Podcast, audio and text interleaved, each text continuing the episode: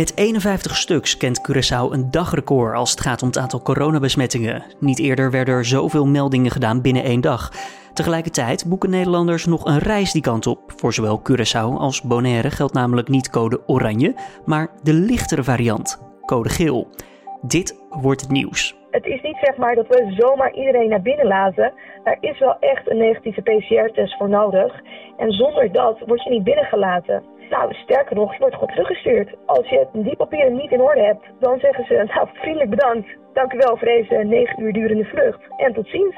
Die strenge regels zijn er niet voor niets op Curaçao. Ik praat zo verder met José de Bruin, programmamaker bij radiostation Dolfijn FM op het eiland. En we hebben het over of die coronaregels nou verder worden aangescherpt op basis van het nieuwe dagrecord, of dat er misschien zelfs versoepelingen aankomen. Dat is zo, eerst kort het nieuws van nu. Mijn naam is Julian Dom en het is vandaag donderdagmiddag 12 november. Dit is de Dit wordt het nieuws middagpodcast. Het RIVM meldt donderdag 5658 nieuwe positieve coronatests. En dat is wederom een stijging ten opzichte van de dag ervoor. Het aantal coronapatiënten in ziekenhuizen is wel iets afgenomen. Dat zijn er namelijk 76 minder dan gisteren. Honderden wilde vogels zijn in de afgelopen weken gestorven aan de vogelgriep. Het grote aantal besmette wilde vogels vergroot de kans dat pluimvee, ondanks de ophokplicht, met het virus besmet raakt.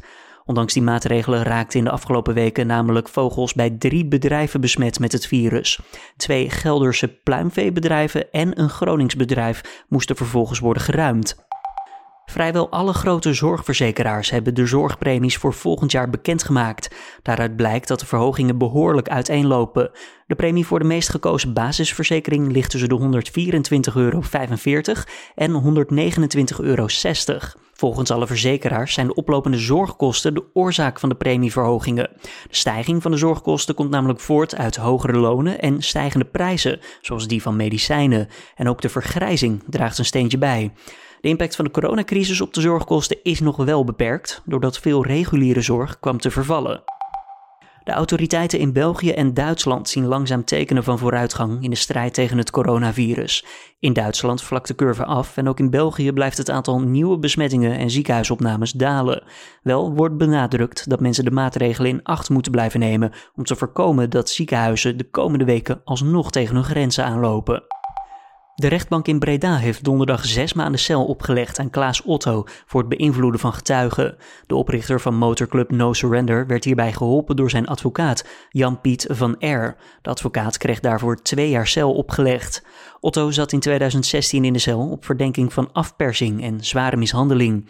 Hij wilde dat twee getuigen hun verklaringen zouden aanpassen en intrekken en probeerde dat voor elkaar te krijgen via geschreven berichten die hij vervolgens meegaf aan zijn advocaat. Dan ons nieuws deze donderdagmiddag. Op Curaçao is een dagrecord van het aantal coronabesmettingen gemeld. In 24 uur zijn er 51 personen positief getest op het coronavirus. Althans, positief gemeld. Nog niet eerder waren dat er zoveel in één etmaal. Op het eiland zijn nu 315 actieve besmettingen geregistreerd. Zeven mensen daarvan die liggen in het ziekenhuis en van wie één op de intensive care. Terwijl voor veel vakantielanden code oranje geldt, vallen Bonaire en Curaçao onder code geel. En dat betekent dat er reizen kan, maar wees waakzaam. Er zijn namelijk risico's, al dus de definitie van buitenlandse zaken. Veel Nederlanders boeken vanwege die lagere kleurcode toch nog snel eventjes een vakantie die kant op. Over de nieuwe aantallen, de mogelijke vakanties en de dagelijkse situatie op het eiland praat ik met José de Bruin. Zij is programmamaker bij radiostation Dolfijn FM. Vanuit Curaçao hangt zij aan de telefoon. Eh, de verbinding kan daardoor af en toe iets haperen, maar het is allemaal goed te volgen. José, eerst even de dagrecord. Eh, kijk je op van die cijfers? Ja, ja, heel erg. Ik schrok er zelfs van. Ik zat gisteren in mijn uitzending op Dolfijn uh, toen het nieuws naar buiten kwam. En ik wist eigenlijk niet zo goed hoe ik erop moest reageren. Juist omdat Curaçao altijd maar een aantal gevallen had. En kleine tientallen, dan weer een keer onder de tien. En 51 is echt ontzettend veel. We hebben vandaag een persconferentie om half twaalf Curaçaose tijd waarin onze befaamde epidemioloog Izzy Gertsenbloed gaat uitleggen hoe dat nou kan. Want eh, ja, hoe dat nou kan, ik wilde dan een beetje op de, op de zaak vooruitlopen. Is er al enig idee hoe dit record tot stand is gekomen? Was er bijvoorbeeld ergens een illegale reef gaande die in het nieuws is gekomen? Nee, helemaal niet. Zoals je dat in Nederland kent, uh, vanuit de bossen daar, dat daar 500 man bijeenkomen. Dat is op Curaçao helemaal niet het geval. We hebben wel een versoepeling gehad van de avondklok, dus we mogen een uurtje langer buiten blijven. Maar nog steeds is het zo dat alle happy hours, overal moet je afstand houden, overal moet je een mondkapje dragen, je handen goed desinfecteren. Al die regels zijn gewoon gebleven. Dus waar deze 51 nou ineens vandaan komen, dat weten we niet. En er zit ook nog iets bijzonders aan. Er is een groep van vijf mensen die 65 jaar of ouder is. Nou, is daar niet per se toelichting op gegeven, maar je denkt natuurlijk al snel aan een bejaardentehuis waar dat dan in voorkomt. En dat zou echt heel slecht nieuws betekenen. Oftewel even afwachten op die persconferentie, in ieder geval vanmiddag ja. Curaçao's tijd. Ja. Um, je zei net al eventjes, de avondklok die is iets versoepeld, een uurtje later. Aan welke tijd moeten we dan denken en welke andere maatregelen zijn momenteel nog steeds van kracht op het eiland? Uh, nou, we mogen nu tot 12 uur buiten spelen. dat, uh, tenminste, zo ervaar ik het. Ja. Uh, nou, dat was al wel een lange tijd dat we om 11 uur gewoon thuis moesten zijn. En dat had meer te maken met de druk op de horeca. Kijk, veel mensen op Curaçao, die houden van een drankje. Ik kan me daar heel goed iets bij voorstellen, want ik hoor daar ook bij. we gaan graag erop uit, uh, graag op straat. Uh, S'avonds, ja, dat komt natuurlijk ook af. Dus het, het hele avondleven is nogal groot op het eiland. En ja, dat om 11 uur thuis zijn, dat had de impact dat veel mensen niet zo gingen rondhangen op straat, geen groepjes vormden. Dat ging eigenlijk zo goed dat ook om mensen wat meer te kunnen laten genieten van het eiland, dat was de redenatie van Eugène Ruggenaat, onze premier, dat die avondklok een uurtje werd verlengd tot 12 uur. En we mochten achtergrondmuziek weer gaan draaien in bijvoorbeeld restaurants of bij happy hours. En waar moeten we dan aan denken? Staat er dan een cd'tje aan of staat er echt een bandje subtiel te spelen? Nee, ja, kijk, er mag ook een band nu op het podium, maar daar zitten dan wel weer hele strikte regels aan. Het mogen één zanger zijn, geloof ik, een uh, toetsenist of een drummer, zoiets. Er mogen echt maar een beperkt aantal mensen op het podium staan. Er moet ook een scherm voor staan. En als opmerkelijke regel erbij, mensen mogen niet dansen of meezingen. Dat lijkt me toch vrij ingewikkeld als je artiest bent en je mag mensen niet laten zingen. Dit, nou ja, goed, die regel, er zal ongetwijfeld over nagedacht zijn, moeten we dan maar denken. Hij is er in ieder geval om, uh, om te volgen. Is er, is er ook vanuit de bewoners op het eiland eh, een soort van uh, nog altijd ja, goedkeuring voor die maatregelen die dus nu van kracht zijn? Ja, dat is heel erg uh, opmerkelijk als je dat vergelijkt met bijvoorbeeld in Nederland. Ik denk dat dat ook echt cultuur is. Kijk, we zijn het niet altijd allemaal eens met deze regels. Uh, er zijn natuurlijk onderling ook echt wel van waarom moet ik een mondkapje dragen. De, precies dezelfde discussie. Maar puntje bij paaltje houdt iedereen zich eraan op Curaçao. Wij zijn misschien iets braver of we hebben een iets andere mentaliteit. We luisteren misschien iets beter naar onze regering. Eigenlijk willen we ervoor zorgen dat we gezamenlijk zo snel mogelijk dat coronavirus eronder krijgen. En je kan je voorstellen wat die 51 nieuwe gevallen dan ook doet, bijvoorbeeld op social media op het eiland, waar mensen echt schrikken hoe dat nou kan en waar dat nou vandaan komt. En dat komt als een schok binnen, ja. teruggaan naar een lockdown, ja.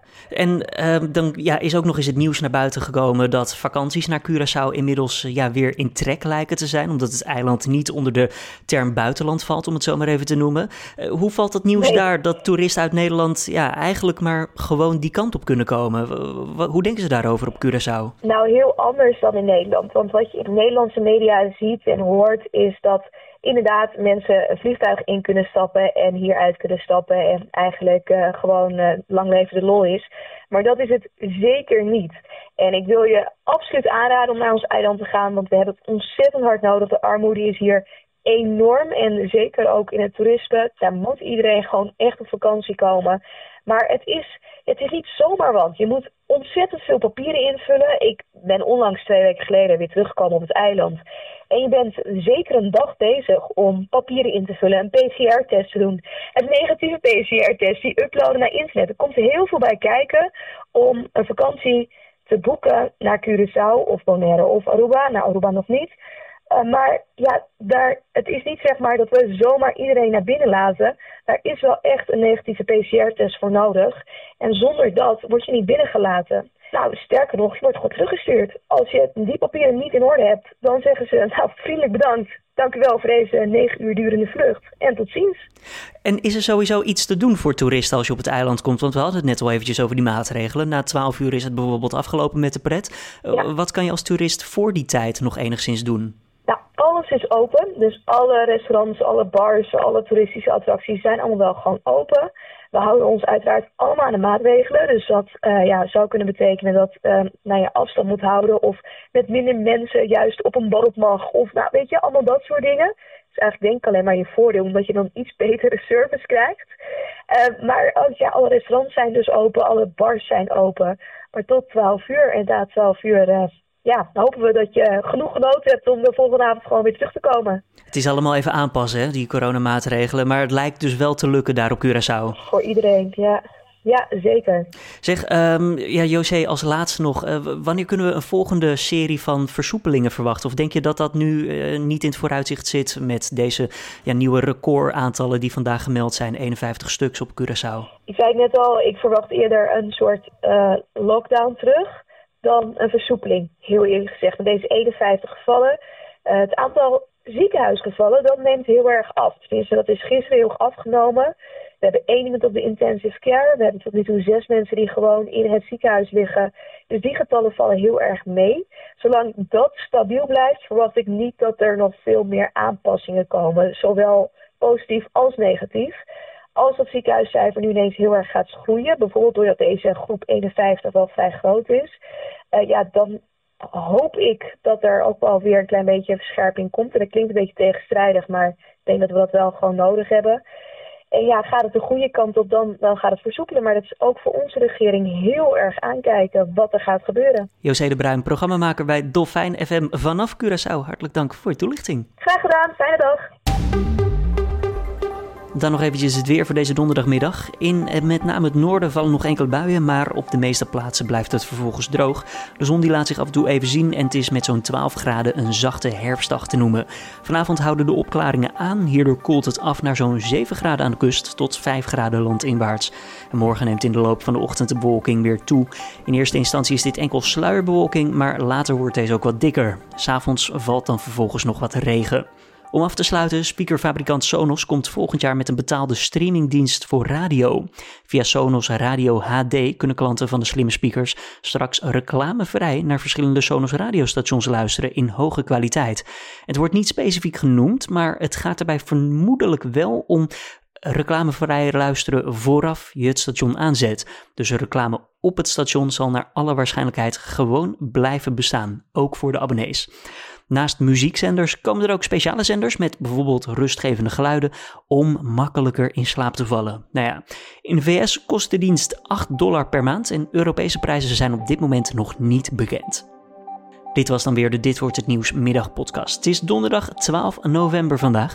Tips of feedback zijn welkom. Stuur dat toe via podcast@nu.nl. Morgenochtend is mijn collega Dominique Schepte weer om 6 uur ochtends. Mijn naam is Julian Dom en ik spreek je de volgende keer weer. Tot dan.